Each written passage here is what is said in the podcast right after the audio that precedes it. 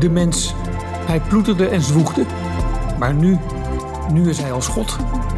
En kan er maar beter goed in worden. Dit is het tijdperk van de mens. Welkom in het Anthropoceen. Welkom bij de podcast van Replanet Nederland en ecomodernisme.be. Ik ben uw gastheer Marco Visser. We hebben deze keer een speciale aflevering. We brengen u namelijk een boekfragment.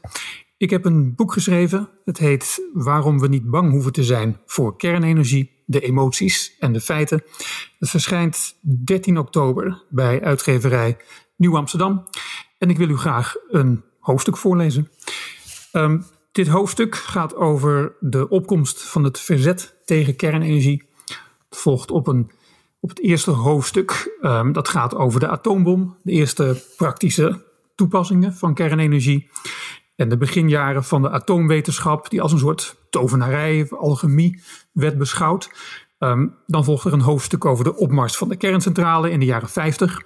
Een tijd waarin supermachten in de wereld atoomproeven hielden en een nucleaire oorlog dreigde. En dan, ja, dan komt hoofdstuk 3. En dat is het hoofdstuk dat ik graag wil voorlezen.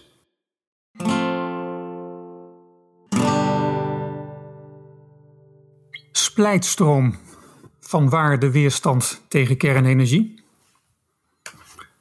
Op de ijzige kou zijn de meesten wel voorbereid, op een veldslag niet. In de ochtend van 28 februari 1981 vertrekken tienduizenden mannen en vrouwen, jong en oud, richting Brokdorf, een dorp nabij Hamburg. Ze trotseren een demonstratieverbod en omzeilen de wegversperringen. De bouw van een kerncentrale, eerder stilgelegd wegens protesten, zal na jaren worden hervat. Dat mag niet gebeuren. De demonstranten hebben een reeks van argumenten. Ze vrezen dat een kernreactor niet in bedwang kan worden gehouden. Bij een storing of vergissing kan radioactieve straling vrijkomen.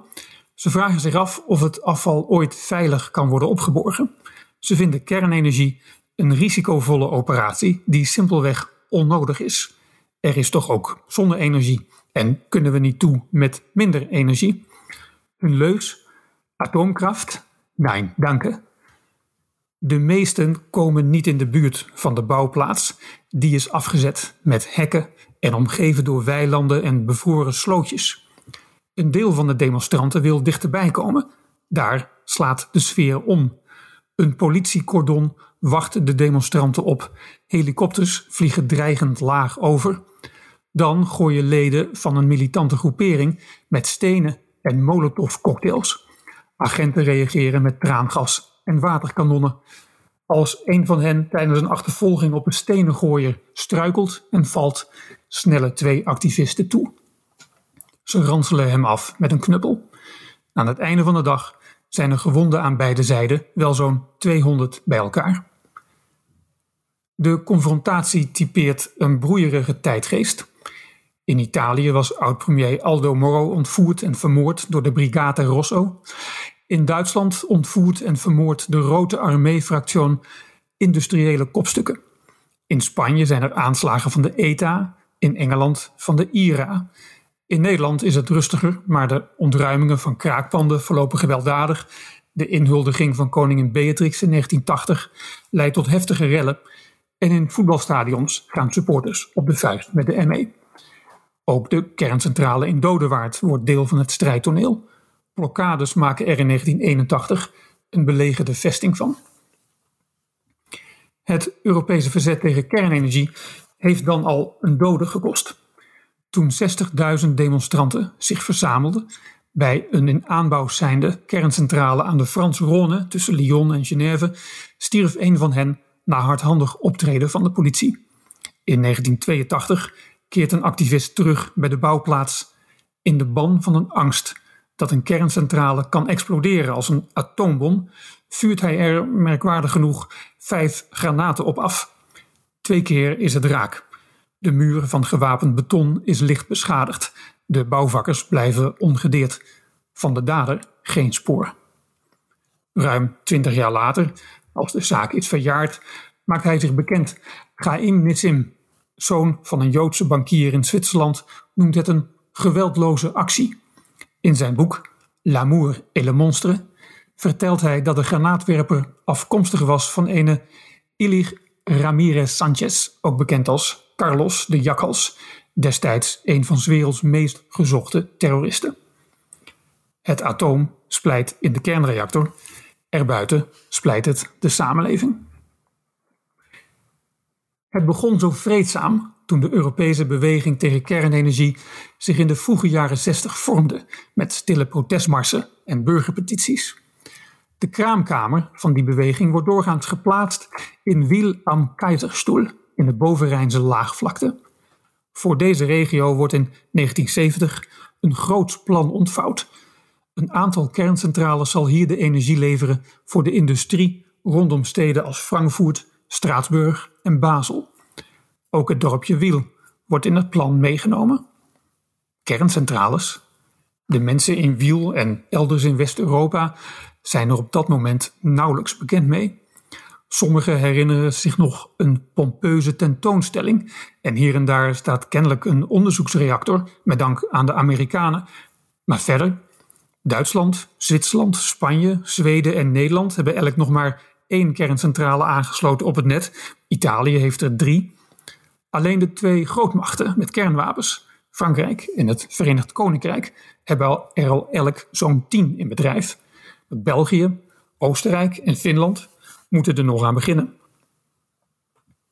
Het is een roman uit 1958 die Europeanen bekend maakt met kernenergie. Günther Schwab, een Oostenrijkse schrijver en voormalig bosbouwer, werd een invloedrijke speler in de intellectuele voorhoede van de Europese strijd tegen kernenergie dankzij Der Tanz mit dem Teufel. In Nederland verscheen het als Bij de Duivel te gast. Schwab schetst een geheim duivelsgenootschap dat de opperduivel bijpraat over de slinkse pogingen tot uitroeiing van de mensheid. De medewerkers van de opperduivel brengen gedetailleerd verslag uit over hoe ze de leefomgeving op aarde kapot maken. Hoe? Ze hebben allerlei foefjes bedacht, van nieuwe ziekteverwekkers en kunstmatige voedingsadditieven tot onophoudelijke muziek uit radiotoestellen. Het ergste wordt bewaard voor een van de laatste hoofdstukken. Hier verschijnt de chef van de afdeling voor atoomdood ten tonele. Zijn gezicht is intelligent en uitdrukkingsloos, schrijft Schwab. 60 jaar geleden was deze duivel aangesteld om een nieuw verdelgingsmiddel uit te vinden. Eentje waarmee hij de gehele wereld kon doordringen en vergiftigen zonder dat de mensen er aanvankelijk iets van zouden merken. De afdelingschef vond de splijting van de atoomkern uit. Dat was nog maar het begin. Hij stuurde het werk van natuurkundigen aan, opdat zij met minieme hoeveelheden onzichtbare radioactieve stoffen alles zouden vergiftigen. De bodem, de planten, de dieren, de lucht, het water en de mensen zelf. Eerst kwam de straling via atoombommen, daarna via de dekmantel van kerncentrales, gniffelt de afdelingschef. Het atoomgif komt vrij wanneer het afval uit de opslagvaten van beton en staal zal barsten, wanneer er onverhoopt iets misgaat in een kerncentrale. Omwonenden zullen worden vergiftigd zonder dat iemand het opmerkt. Alleen al de damp die, uitstijgt, die opstijgt uit zo'n reactor kan een ramp betekenen. Als de opperduivel het relaas heeft aangehoord, meldt hij opgetogen: Mooi zo. Als de recensent van de Volkskrant het relaas heeft gelezen, stelt hij vast: Alarmbel voor moderne samenleving. Tegelijk met het boek lanceert Gunther Schwab een organisatie die opkomt voor natuurbehoud. Weltbund zum Schutz des Lebens, WSL, ofwel Wereldfederatie voor de Bescherming van het Leven. Tientallen Nobelprijswinnaars zitten in de wetenschappelijke adviesraad. Met hun steun gaat Schwab voorop in de strijd tegen de bouw van geplande kerncentrales. Al in de jaren 60 protesteert zijn WSL tegen de bouw van een kerncentrale in Woergassen. Historicus Joachim Radkau zou de Duitse afdeling van WSL aanduiden als de kern van de anti-kernenergiebeweging en Schwab als een pionier die een substantiële impuls gaf aan de beweging. Het boek over de duivels werd in 1975 door Trouw aangeprezen als een standaardwerk op het gebied van de milieubescherming. De reputatie van de schrijver en zijn organisatie was echter bedenkelijk. In de jaren 30 was Gunther Schwab lid van de nazi's en hij sloot zich aan bij de SA, de knokploeg van bruinhemden die Joodse winkels bestormde en Joden op straat molesteerde. Hij klom op tot stormleider. Nadat hij in de oorlog had gevochten aan het Oostfront, bleef Schwab openlijk aanhanger van rassenleer, bevolkingspolitiek en eugenetica. In 2006 overleed Schwab met een belangrijke Oostenrijkse onderscheiding voor de kunsten en wetenschap op zijn naam. Tot zijn nalatenschap behoort een verzameling nationaal-socialistische geschriften waarin hij tot diep in de jaren 70 aantekeningen maakte. Voor de wijnboeren rondom Wiel am Keizerstoel spelen de door Schwab benoemde zorgen om straling, ongelukken of afval geen rol van betekenis. Zij vrezen niet voor het lot van de natuur, maar voor dat van hun druiven. Ze hadden het niet zo op de koeltoren, die betonnen kolos waar de onbenutte warmte uit de reactor met water wordt gekoeld. De wijnboeren zijn ervan overtuigd dat de waterdamp zal leiden tot mist die in de vallei blijft hangen. En als dat gebeurt, wordt de zon geblokkeerd en verandert hun chique wijn in een doodgewone tafelwijn. Een financiële ramp. Niemand, zelfs geen meteoroloog, kan de bekommernis wegnemen. Ook in Freiburg, de nabijgelegen universiteitsstad, zien ze liever geen kerncentrale opdoemen. Daar hangen posters waarop te zien is hoe de ranke kathedraaltoren van de stad schril afsteekt tegen zo'n immense koeltoren. De weerstand is groot. Hoewel, de reuring mag zijn, maar bij een referendum stemmen de meeste inwoners van Wiel voor de verkoop van het terrein aan de uitbater van de kerncentrale. De een hoopt dat het de gemeenschap wat geld oplevert, de ander hoopt op werk. Het verhaal over de mist wordt kennelijk niet zo breed gedeeld als het soms leek. Iets dergelijks was ook te zien over de Franse grens bij Fessenheim, waar de lokale bevolking weinig moest hebben van de protestmarsen die in hun dorp door de tegenstanders werden georganiseerd. En dan ineens, op 17 februari 1975, een maand na het referendum, als de bezorgde burgers nog steeds in gesprek zijn met de gemeentepolitiek, wordt er bij Wiel een heel gebied afgezet. Onaangekondigd gaat de bouw van start. Enkele omwonenden zijn niet amuseerd. Ze beleggen een persconferentie een dag later en uiten hun ongenoegen. Of er een bezetting komt, vraagt een journalist. Immers, in het Franse Markelsheim aan de overkant van de Rijn was toch een bezetting geweest? Nee hoor, klinkt het. In Wiel komt er geen bezetting. Na de persconferentie besluit een groep mensen, vrouwen vooral, spontaan richting het bouwterrein te lopen. Gewoon even kijken. Daar treffen ze mannen in bulldozers, mannen in graafmachines, mannen met kettingzagen. Voor sommigen is de aanblik te veel. Ze vragen om aandacht van de werklui. Ze roepen, ze sjorren aan de hekken. Eén hek krijgen ze omver. Zonder plan lopen ze het terrein op. Hier klimt iemand brutaal op de grijper van een graafmachine. Daar gaat een groepje om een bulldozer staan. Het is complete chaos. Binnen een uur liggen de werkzaamheden stil, maar de bezoekers gaan niet weg. Het wordt toch een bezetting. Wiel am Keizerstoel wordt landelijk nieuws dankzij de minister-president van de deelstaat. Hij suggereert dat het hier gaat om staatsgevaarlijke vijanden van de democratie. In een land dat nog wordt gekleurd door een natieverleden is dat een ernstige beschuldiging. 600 politieagenten komen in actie. Ze hebben waterkanonnen, panzerwagens en een troep honden bij zich.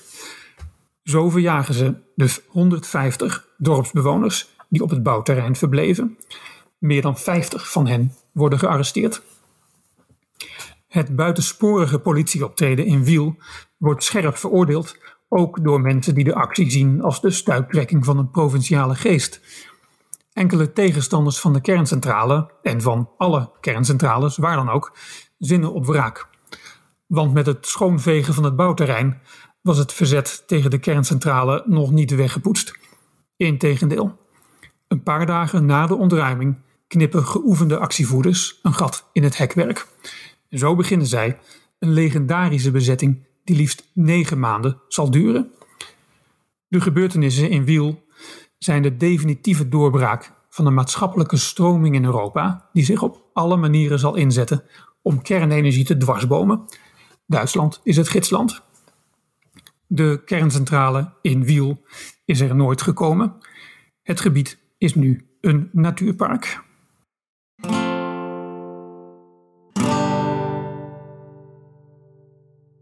In de Verenigde Staten bestond al langer een beweging tegen kernenergie. Ook hier betroffen de eerste zorgen niet het milieu. Er waren zorgen dat iemand kernwapens zou afvuren en de wereld zou vergaan. Met de Russen wist je het nooit, maar de mannen in het Witte Huis kon je ook niet vertrouwen. De angst zat er goed in. De atoomproeven waren nodig, zei de Amerikaanse regering, en ze waren volkomen veilig. Maar niet iedereen dacht er zo over. Wetenschappers waarschuwden. Zelfs een klein beetje fallout zou de voedselketen aantasten en ons lichaam verzwakken. Ze voorspelden dat de radioactieve neerslag van zulke testen kon leiden tot een epidemie van kanker en genetische mutaties. Een van hen beweerde dat honderdduizenden kinderen al waren doodgegaan aan de radioactieve straling. Het klopte niet en er was ook geen bewijs, maar het klonk heel erg. Hoe reageerden de Amerikanen? Een kernoorlog konden ze allicht niet voorkomen, maar atoomproeven misschien wel. Als ze zich eens gingen organiseren, konden ze de politiek beïnvloeden. In 1954 gingen Amerikanen de straat op voor het eerste grootschalige protest tegen atoomproeven. Die moesten ze verbieden. Het verbod kwam er, althans voor bovengrondse atoomproeven, want ondergronds gingen ze na een internationaal verdrag uit 1963 gewoon door. Van fallout was nu geen sprake meer, terwijl het nucleaire wapengekletter onder onze voeten doorging, en nog wel in verhoogd tempo, was er nog maar weinig publiek protest. Maar de zorgen over een eventuele kernoorlog, over mogelijke blootstelling aan straling, wilden niet wijken. Dus wat gebeurde er? De aandacht verschoof naar kerncentrales. Kwam daar niet ook straling bij kijken? Ontsnapt er bij een lekkage geen radioactiviteit? Is een kerncentrale niet een broedplaats voor kernwapens? Zo'n gebouw kan toch ontploffen als een atoombom? Kerncentrales, die moesten ze verbieden. Greenpeace biedt een treffende illustratie van verschuivende aandacht. De organisatie kwam voort uit een pacifistische geloofsgemeenschap die actie voerde tegen een ondergrondse atoomproef bij Alaska. Vanuit Canada volgde de internationale doorbraak even later in 1973. Frankrijk, dat het verdrag over het bovengrondse testverbod niet had ondertekend, wilde een atoombom tot ontploffing brengen bij een atol in de Grote Oceaan. David McTaggart, een voormalige badmintonkampioen en projectontwikkelaar uit Canada, stelde zijn zeewaardige jacht ter beschikking. Daarmee gingen ze demonstratief dicht in de buurt van het atol varen, zodat de atoomproef niet kon worden uitgevoerd. Op zee probeerden Franse mariniers de lastpakken te ontmoedigen. De intimidaties hadden geen effect. Toen ze aan boord van Greenpeace 3 kwamen, beukten ze McTaggart in elkaar met gummiknuppels. Zijn rechteroog raakte voor altijd beschadigd. De activisten schakelden de pers in, maar Frankrijk ontkende de aanslag. Een bemanningslid van Greenpeace had echter stiekem foto's gemaakt. Toen die de wereld overgingen, kondigde de Franse regering schoorvoetend aan te zullen stoppen met bovengrondse atoomproeven. De naam van Greenpeace was gevestigd. Later schreef McTaggart over de diepere motivaties van de medeactivisten op zijn boot. De twee jongste bemanningsleden hadden hun hele leven met de bom geleefd. Het beeld stond sinds hun kinderjaren in hun geheugen gegrift. Ze hadden de knal ervan gehoord op het journaal. Het was het meest angstaanjagende beeld dat ze kenden. Vorige generaties hadden gebeefd bij het zien van vuur en zwavel, maar deze jongens behoorden tot de eerste generatie voor wie het helle vuur werkelijkheid was. Het was een helle vuur dat door mensen kon worden opgeroepen. Geen enkele muur was sterk genoeg om het tegen te houden, geen gat diep genoeg om eraan te ontsnappen. Het vuur kon overal op aarde komen. Geen enkele vader kon het met zijn beschermende arm op een afstand houden. Sinds Hiroshima was er op aarde geen enkel kind geboren dat echte veiligheid kende. Toen McTaggart die krachtige zinnen opschreef in 1978, had Greenpeace afdelingen in ongeveer 20 landen.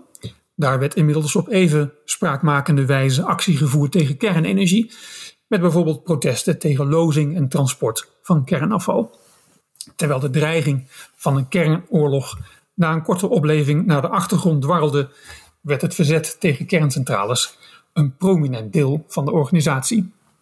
Op de website van Greenpeace lezen we tegenwoordig dat kernenergie vies en gevaarlijk is, dat het desastreuze rampen kan veroorzaken, dat het enorme hoeveelheden gevaarlijk afval creëert, dat het de, de gezondheid en het welzijn van gemeenschappen duizenden kilometers verderop bedreigt en dat het geen plaats heeft in een veilige, schone, duurzame toekomst. Over kernwapens amper een woord. Zoals de productie van plutonium voor kernwapens samenging met de levering van stroom, of juist precies andersom, zo versmolt het verzet tegen een nucleaire wapenwetloop met het verzet tegen kerncentrales. No nukes was een veelgehoorde leus. Daar werd in de jaren 60 altijd mee bedoeld geen kernwapens. In de loop van de jaren 70 kon er net zo goed mee worden bedoeld geen kernenergie. Wie ageerde tegen kerncentrales of kernafval viel een hele kliek aan, van een oorlogzuchtige overheid tot roekeloze energiebedrijven. Ze maakten gebruik van dezelfde kennis, dezelfde technologie en dezelfde experts. De Encyclopedia Britannica omschrijft de anti-nuclear movement als een maatschappelijke beweging die zich verzet tegen de productie van kernwapens en de productie van elektriciteit door kerncentrales. Op Wikipedia zijn de pagina's over de beweging en haar protesten een mengelmoes van kritiek op bommen en reactoren. De opeenhoping van wapens en elektriciteit waaide ook over naar Nederland. Neem het No Nukes muziekfestival in 1982 in de Utrechtse jaarbeurs. Doe maar speelde er zijn hitsingle over de atoombom. Carrière maken voordat de bom valt, werken aan mijn toekomst voordat de bom valt. En drukwerk zijn blijmoedige polonaise over kernenergie. Geen atoom, geen atoom, geen atoom. Kom eens even uit je droom.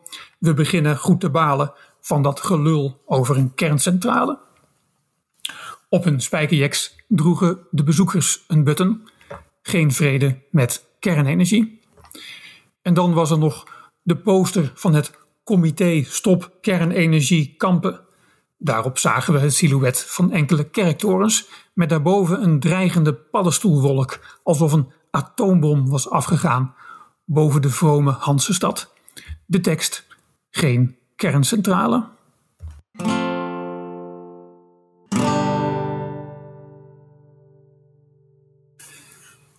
Na een spectaculaire entree op het wereldtoneel had kernenergie zich laten temmen en zich glansrijk herpakt als een radicaal nieuwe manier om stroom te leveren. Een oud-medewerker van het Manhattan Project noteerde in een terugblik op zijn levenslange carrière in de nucleaire sector dat hij en zijn collega's waren bezoedeld vanwege de bom. Ze voelden zich allemaal beter dankzij de kerncentrale, wat kon er nobeler zijn, schreef hij, dan de wereld voorzien van een ultieme energiebron? Nou, een ultieme energiebron werd niet door iedereen in dank aanvaard. De mensen die zich ertegen keerden, zaagden aan de poten van de gevestigde orde. Ze wilden niet langer volgzaam zijn. Ze wantrouwden wetenschap, politiek en grote bedrijven. Sinds de emancipatiegolf van de jaren 60 en 70 wilden ze overal over meepraten. In zaaltjes gingen ze discussiëren over kapitalisme, oorlog en onderdrukking in het algemeen. Iedere mening telde, vooral de hunne. Wanneer het over kernenergie ging, praten voor- en tegenstanders volledig langs elkaar heen. Het ene kamp vond kernenergie schoon, veilig en noodzakelijk. Het andere kamp vond het vies, gevaarlijk en onnodig. Beide kampen deden alsof zij kennis hadden en de ander ideologie. Ze maakten elkaar dezelfde verwijten. De opponent was onnadenkend, oppervlakkig, kortzichtig. In het publieke debat legden de voorstanders het grandioos af. Terwijl critici van kernenergie hun emoties toonden en inspeelden op die van anderen, kwamen de pleitbezorgers over als killerrekenaars die zich superieur waanden. Misschien was het een oneerlijke strijd. In discussies waren de meeste voorstanders minder begaafd en wellicht ook gewoon minder geïnteresseerd. De botsing illustreerde de groeiende kloof tussen de wetenschappelijke wereld en de literaire intellectuelen.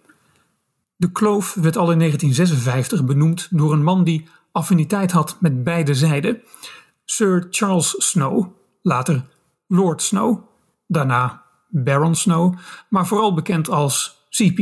Snow.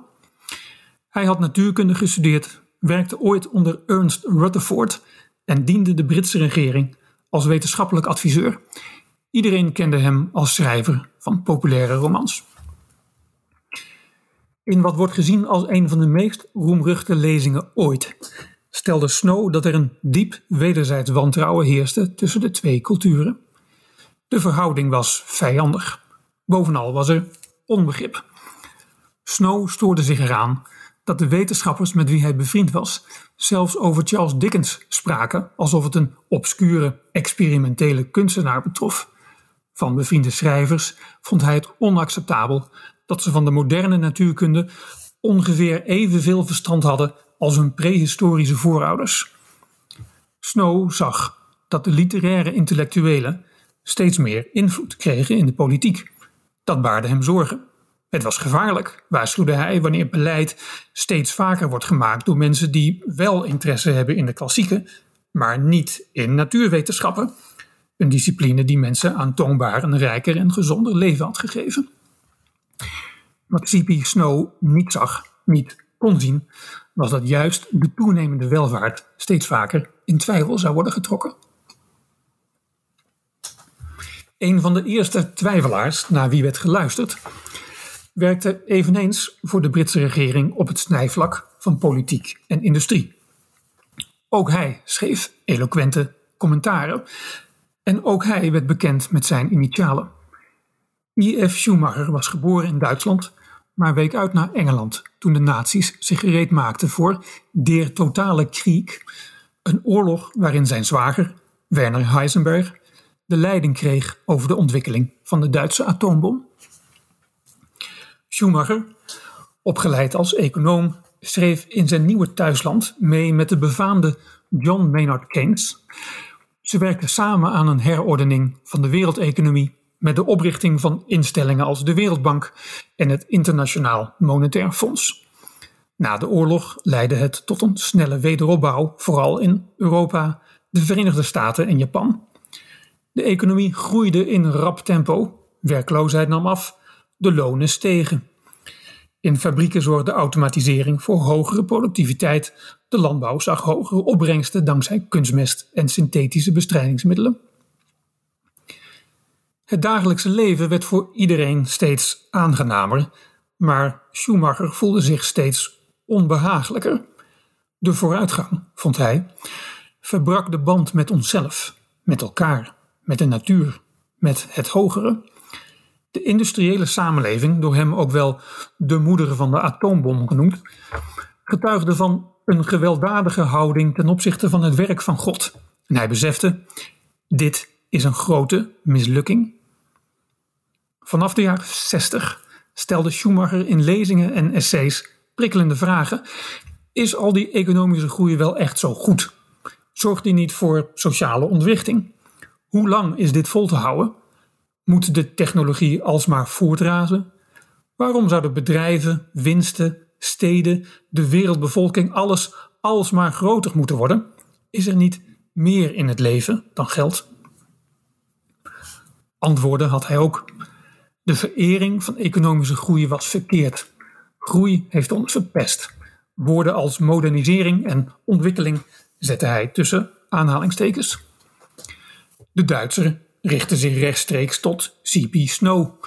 Het optimisme van wetenschappers dat volgens Snow nodig was om problemen op te lossen, zou slechts zijn ingegeven door schuldgevoelens over de schade die hun vindingen hadden veroorzaakt.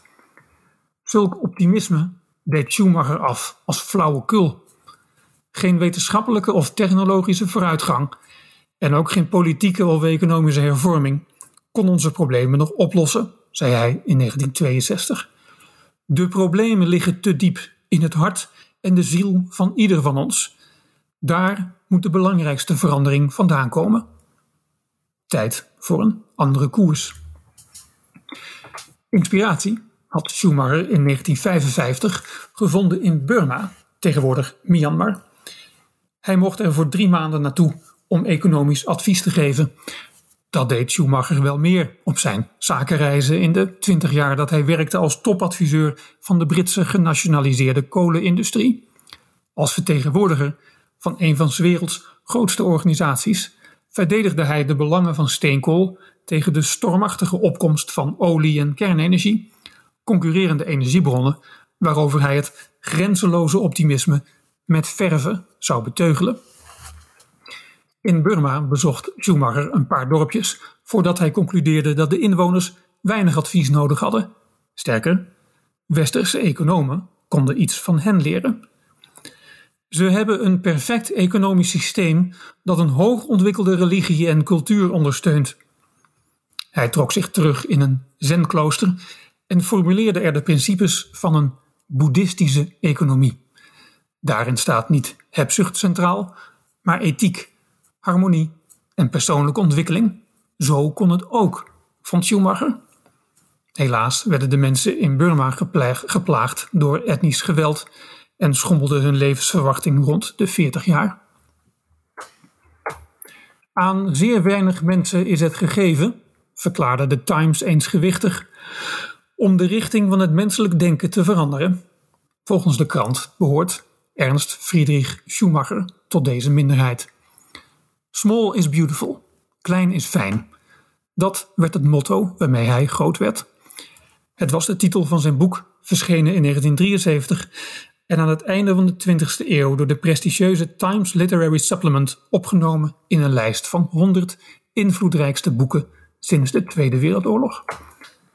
Zijn pleidooi voor kleinschaligheid lag aan de basis van een steeds luidere roep om grenzen te stellen aan de groei. We moesten minderen, minder energie verbruiken, minder spullen kopen, minder kinderen krijgen, minder autorijden, minder industrie.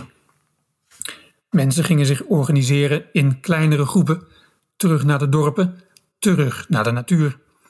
Ze wilden voedsel verbouwen in hun eigen biologische tuin. Ze wilden energie verkrijgen van oude, vertrouwde bronnen als de zon en de wind. Schumacher werd een inspirator voor velen. Zijn verlangen naar de menselijke maat werd breed gedragen. Er kwam meer waardering voor het verleden, toen de natuur nog puur was en de moraal onbedorven. Mensen gingen waarde hechten aan traditie en aan een band met de plaatselijke gemeenschap. Terwijl hun eigen gezinnen kleiner werden, waarschuwden ze voor de bevolkingsgroei bij mensen die niet zo waren als zij. En ze zochten naar zingeving. Tegenover de nietige mens, die moest worden gewantrouwd, stond de grootste natuur, die moest worden bewonderd. Werden die overtuigingen voorheen herkend als conservatief, nu werden ze ook van toepassing op mensen die zichzelf progressief vonden. In Der Tanz mit dem Teufel beklaagde extreemrechtse Günther Schwab, geïnspireerd door nationalisme en conservatisme, zich over de verspreiding van materiële voorspoed. Hij laat de opperduivel verzuchten. Niet meer de vraag goed of slecht is voor de kwaliteit van de dingen en toestanden beslissend, maar de vraag modern of niet modern. In Small is Beautiful beschrijft I.F. Schumacher, geïnspireerd door socialisme en boeddhisme, hoe leeg en hoe fundamenteel onbevredigend een leven is dat allereerst gewijd, gewijd is aan het nastreven van materiële doelen met verwaarlozing van het geestelijke. En Ven zoekt de verschillen. Energie, de motor van alle materiële voorspoed, kreeg een kwalijke klank en een kerncentrale die bron van onmetelijk veel energie, paste op geen enkele manier bij een samenleving die zocht naar eenvoud. Immers, wil je voor de productie van stroom water aan de kook brengen, dan zijn er eenvoudigere wegen denkbaar dan via het in gang zetten van een kettingreactie van instabiele atomen van verrijkt uranium die je daarna in toom moet houden. De visie van Schumacher klonk door in de woorden van anderen. De grenzen aan de groei werd de titel van een roemrucht rapport van de Club van Rome, een denktank van industriële kopstukken. Een nieuwe lichting gezaghebbende critici van de moderne samenleving stond op. Tijdens een discussie over kernenergie schamperde Paul Ehrlich, een opiniemaker die een populair boek over bevolkingsgroei schreef, de samenleving voorzien van goedkope, overvloedige energie is hetzelfde als een mitrailleur geven aan een klein kind. Kritiek op het gangbare denken over energie verleidde Amory Lovens, de latere intellectuele architect van de Duitse energiewende, tot een alternatief. Zo weinig mogelijk energie verbruiken. Terzijde, Lovins was de eerste werknemer voor Friends of the Earth, waartoe Milieudefensie behoort, in 1969 opgericht met geld van oliemagnaat Robert Anderson, voormalig directeur van Arco, tegenwoordig onderdeel van BP. Kernenergie, ontwikkeld in een tijd van groeiend ongemak over technologie en twijfel aan wetenschap, werd de belichaming van een onnodig ingewikkelde techniek. En dan ook nog eens eentje die werd omgeven door gevaar en geheimzinnigheid en afgesloten door hekken met prikkeldraad en waarschuwingsborden. Was dit vooruitgang? Een kolencentrale was gewoon een opgeschaalde oven. Een windturbine, een moderne versie van de vertrouwde windmolen op het boerenerf. En een bever kon een waterkrachtcentrale bouwen als hij iets sterker was. Maar een kerncentrale? Zouden geniale uitvinders als James Watts of Thomas Edison met een tijdmachine vooruitreizen, dan hadden ze geen flauw benul van wat er in een kerncentrale gebeurt.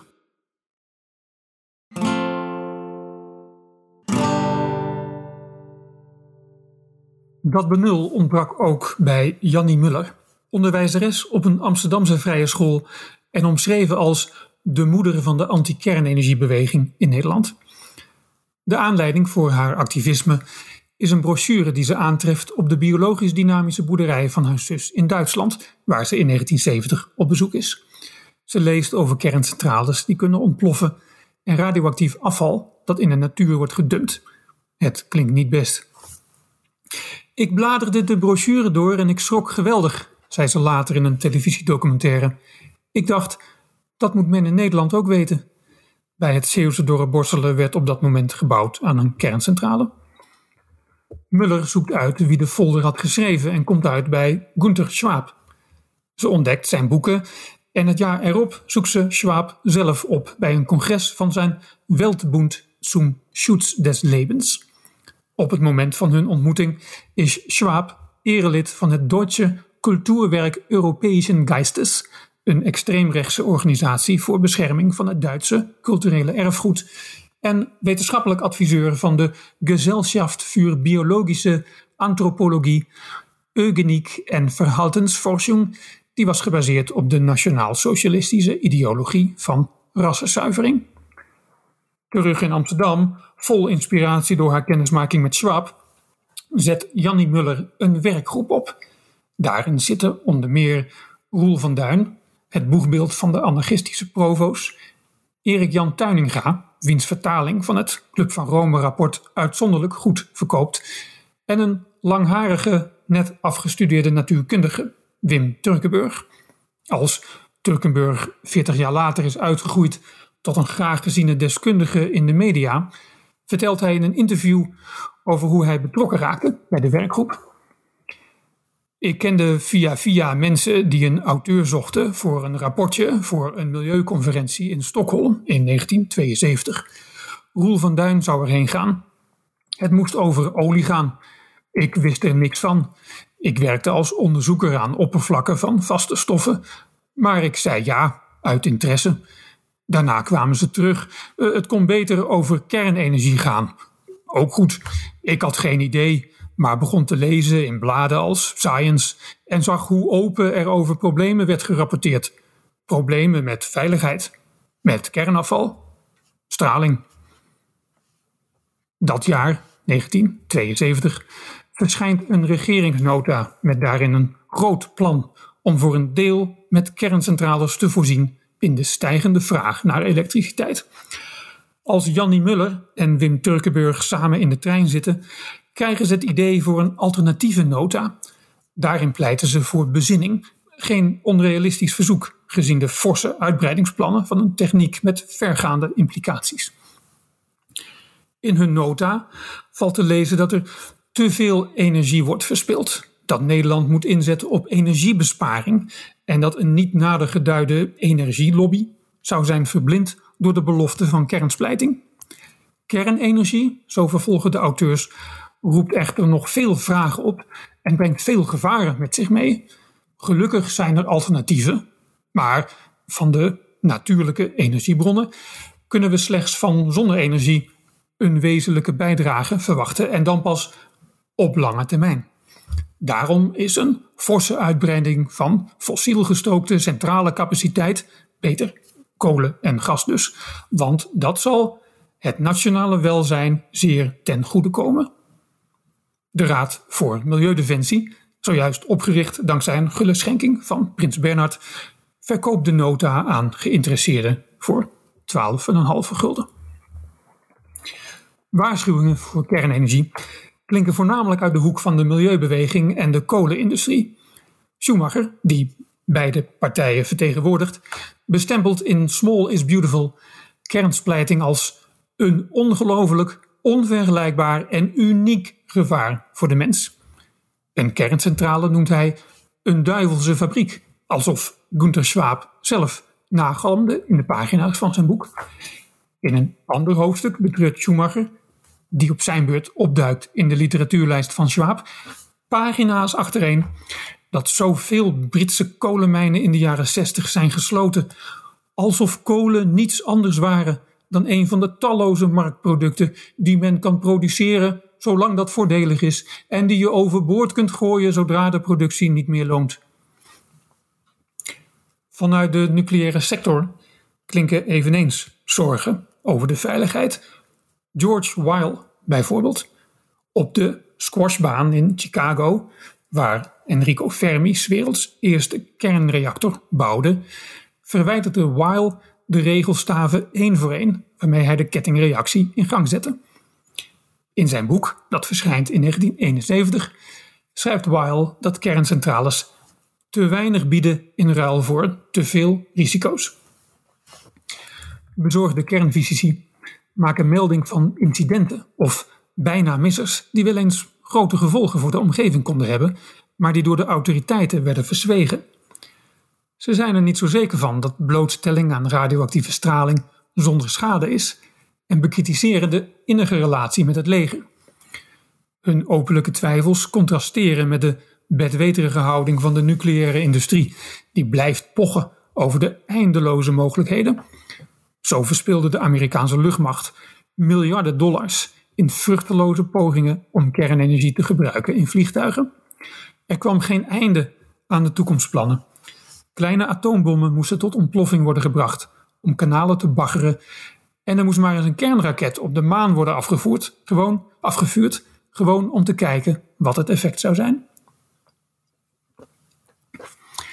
De sceptisch over de nucleaire wonderen bereikt Hollywood. Op 16 maart 1979 draait The China Syndrome voor het eerst in de bioscoop. Jane Fonda speelt een televisieverslaggever, Michael Douglas een cameraman. In een kerncentrale maken ze opnames wanneer een incident zich voordoet. Het alarm klinkt. De vloer trilt. Paniek in de controlekamer. Het ziet eruit alsof de zaak ieder moment kan ontploffen. Het loopt met een sisser af. Maar dan beginnen de pogingen om het voorval af te doen als onbeduidend. De baas van het energiebedrijf dwarsboomt een onderzoek naar de gebeurtenissen. De baas van de tv-zender wilde stiekem opgenomen beelden niet uitzenden. Een onafhankelijke expert bekijkt de beelden en stelt vast dat iedereen in de wijde omtrek blij mag zijn dat hij nog leeft. Als een werknemer van de kerncentrale een lekkende pomp opmerkt en ontdekt dat een veiligheidsrapport is vervalst, wordt hij tegengewerkt. Filmcritici zijn enthousiast. Een geweldige thriller die verontruchtende vragen oproept over hoe veilig kerncentrales echt zijn, schrijft een vermaarde recensent. De New York Times noemt de film even actueel als het weerbericht van vanochtend, zo vol dreiging van helle vuur als een ouderwetse zondagse preek en even helder, glanzend en fris als de nieuwste science fiction film. Ze vergeten niet te vermelden dat de gebeurtenissen in de film zijn gebaseerd op werkelijke voorvallen in kerncentrales, zoals de vastzittende naald op een metertje, waardoor de technici het waterpeil verkeerd inschatten. De nucleaire industrie bijt van zich af. De film zou bol staan van verzinsels, verdachtmakingen en fouten. Iemand laat in de krant optekenen de systemen zijn zo ontworpen en gebouwd dat een reactor veilig zal werken, zelfs als sprake is van een aanzienlijke storing in de apparatuur of een menselijke fout. Twaalf dagen na de première van de China Syndrome is er een storing in de nieuwste reactor van Three Mile Island, een kerncentrale vlakbij Harrisburg in Pennsylvania. Het alarm klinkt. Ergens ontsnapt wat koelwater langs een openstaande ontlastklep Onmiddellijk wordt het noodkoelsysteem automatisch in werking gesteld. De storing is verholpen. Juist dan gaat het verkeerd. In de controlekamer wordt de oorzaak van de storing niet herkend. Honderden lampjes knipperen. Op het waanzinnig grote bedieningspaneel geeft een lampje ten onrechte aan dat een van de kleppen gesloten is. Een bediende oordeelt dat het noodkoelsysteem onnodig is en schakelt het uit. Deze beslissing leidt tot een gedeeltelijke meltdown straling ontsnapt. Een dag later melden de autoriteiten dat er geen reden tot bezorgdheid is. Yeah, right, denken de omwonenden. Zo'n 140.000 mensen kiezen ervoor om een tijdje van huis te zijn. Nieuws over Three Mile Island bereikt Europa op het moment dat Duitsland een volgend hoofdstuk in het protest tegen kernenergie schrijft. Het ongenoegen over het besluit om radioactief afval op te slaan in een zoutmijn in Gorleben wordt geuit in een meerdaagse tocht van 160 kilometer. Het begint met een paar honderd wandelaars en fietsers. Als de tocht eindigt in Hannover, staan de kranten vol over wat nog altijd het meest serieuze ongeluk met een kerncentrale in de Verenigde Staten is. Minstens 50.000 demonstranten komen samen. De tegenstanders van kernenergie zijn aan de winnende hand. Met 50,5% van de stemmen verhinderen de Oostenrijkers in een referendum de ingebruikname van een volledig afgebouwde kerncentrale in Zwentendorf aan der Donau. De Zweden spreken zich in een referendum uit tegen de bouw van nieuwe kerncentrales in het algemeen. De Spanjaarden kondigden een moratorium af. Het is duidelijk: de mensen willen dit niet. Kernenergie Nee, bedankt. De nucleaire industrie stort ineen. Overal gaan bouwplannen voor kerncentrales in de papierversnipperaar. Na het ongeval bij Three Mile Island komt er een streep door alle lopende bestellingen voor kernreactoren. Hier en daar wordt een in aanbouw zijnde kerncentrale omgebouwd tot een kolencentrale, zonder al te veel verzet. Een paar al gebouwde kerncentrales worden nog voor de opening in de mottenballen gezet, zoals die op Long Island bij New York.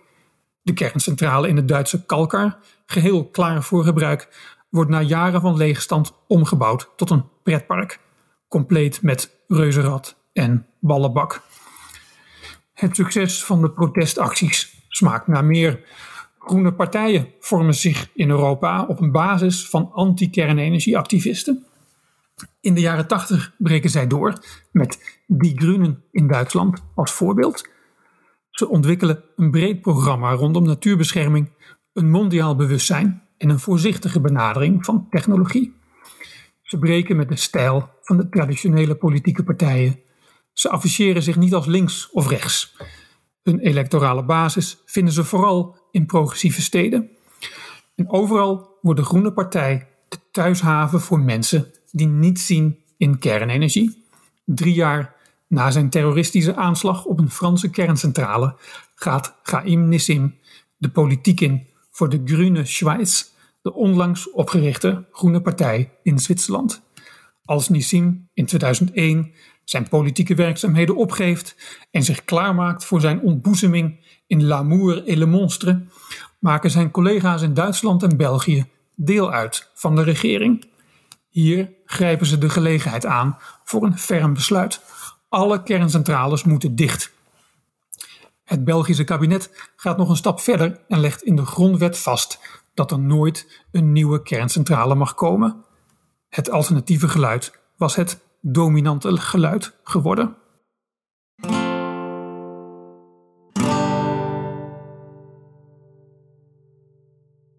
Misschien voorzagen de pioniers van kernenergie dat hun techniek op weerstand zou stuiten.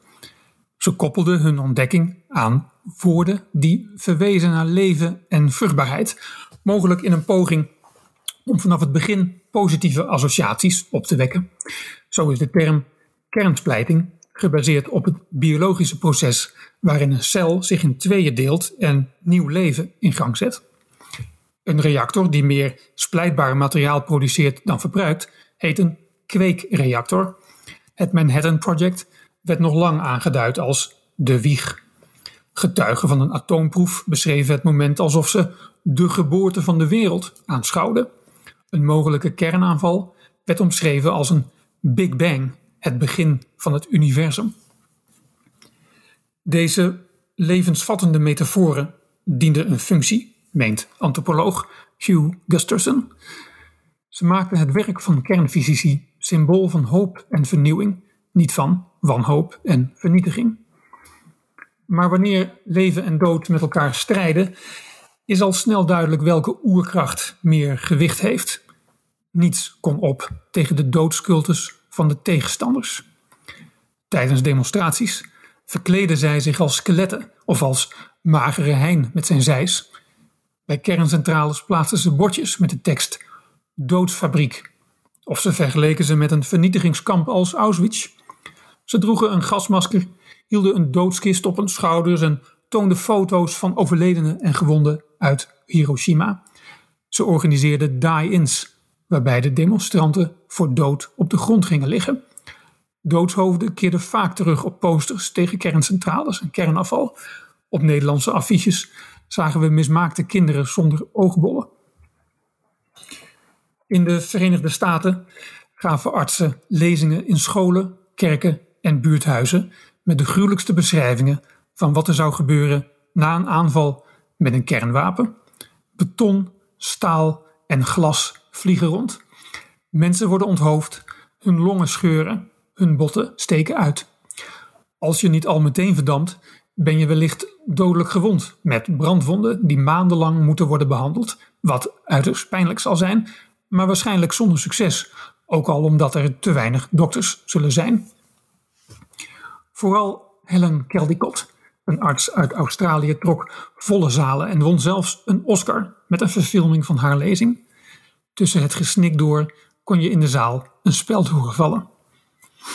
Tegenstanders van kernenergie cultiveerden doodsangst. Het werd een belangrijk deel van hun strategie en een belangrijke reden voor hun succes. De confrontatie met de dood was ontwrichtend. Wie vertrouwde nog de sussende geruststellingen van de autoriteiten? Wie dacht nog dat alles onder controle was? Het besef dat leven en dood onlosmakelijk bij kernenergie horen, was er onvoldoende. Het was er mogelijk wel bij de alchemisten van honderden jaren geleden met hun primitieve apparatuur. De ware betekenis van alchemie was volgens hen niet de letterlijke omzetting van lood in goud, maar een purificatie van de ziel. Iedereen kan afstand nemen van zijn zondige leven, betoogden de alchemisten, en opnieuw beginnen als een deugdzaam mens. Daartoe moet je een tocht maken door duisternis en chaos. Je moet alles opgeven wat je bezit. Al het materiële, al je dierbaren, maar ook al je ideeën en overtuigingen. Wie dan innerlijke vrede vindt, zal spiritueel ontwaken. De opdracht van de oude alchemist was een persoonlijke opdracht. Was die ook toepasbaar op een samenleving? Kon het zijn dat die vreselijke atoombom de deur op een kier zette naar een tijd van vrede en vooruitgang? Was onze kennis van de basisprincipes van kernenergie een passage van dood naar leven? van een wereld vol ziekte en armoede naar een wereld van gezondheid en welvaart? Was het besef misschien uiteindelijk doorgedrongen tot Ernst Rutherford, de behoedzame grondlegger van de kernfysica, niet lang voor zijn eigen passage naar de dood in 1937? De titel van zijn laatste boek, The Newer Alchemy. Ach, het idee was natuurlijk absurd. Voor zulke overwegingen was ook helemaal geen tijd. Het was tijd voor actie. Het zou niet lang meer duren of tegenstanders van kernenergie kregen een nog krachtiger symbool van de dood in de schoot geworpen. Even voordat de controversiële kerncentrale bij Brokdorf eindelijk open zou gaan, ging er ruim 1500 kilometer verderop, voorbij de Poolse grens met de Sovjet-Unie, iets daverend mis in een kerncentrale die werd gezien als een staaltje onovertroffen techniek van de socialistische heilstaat.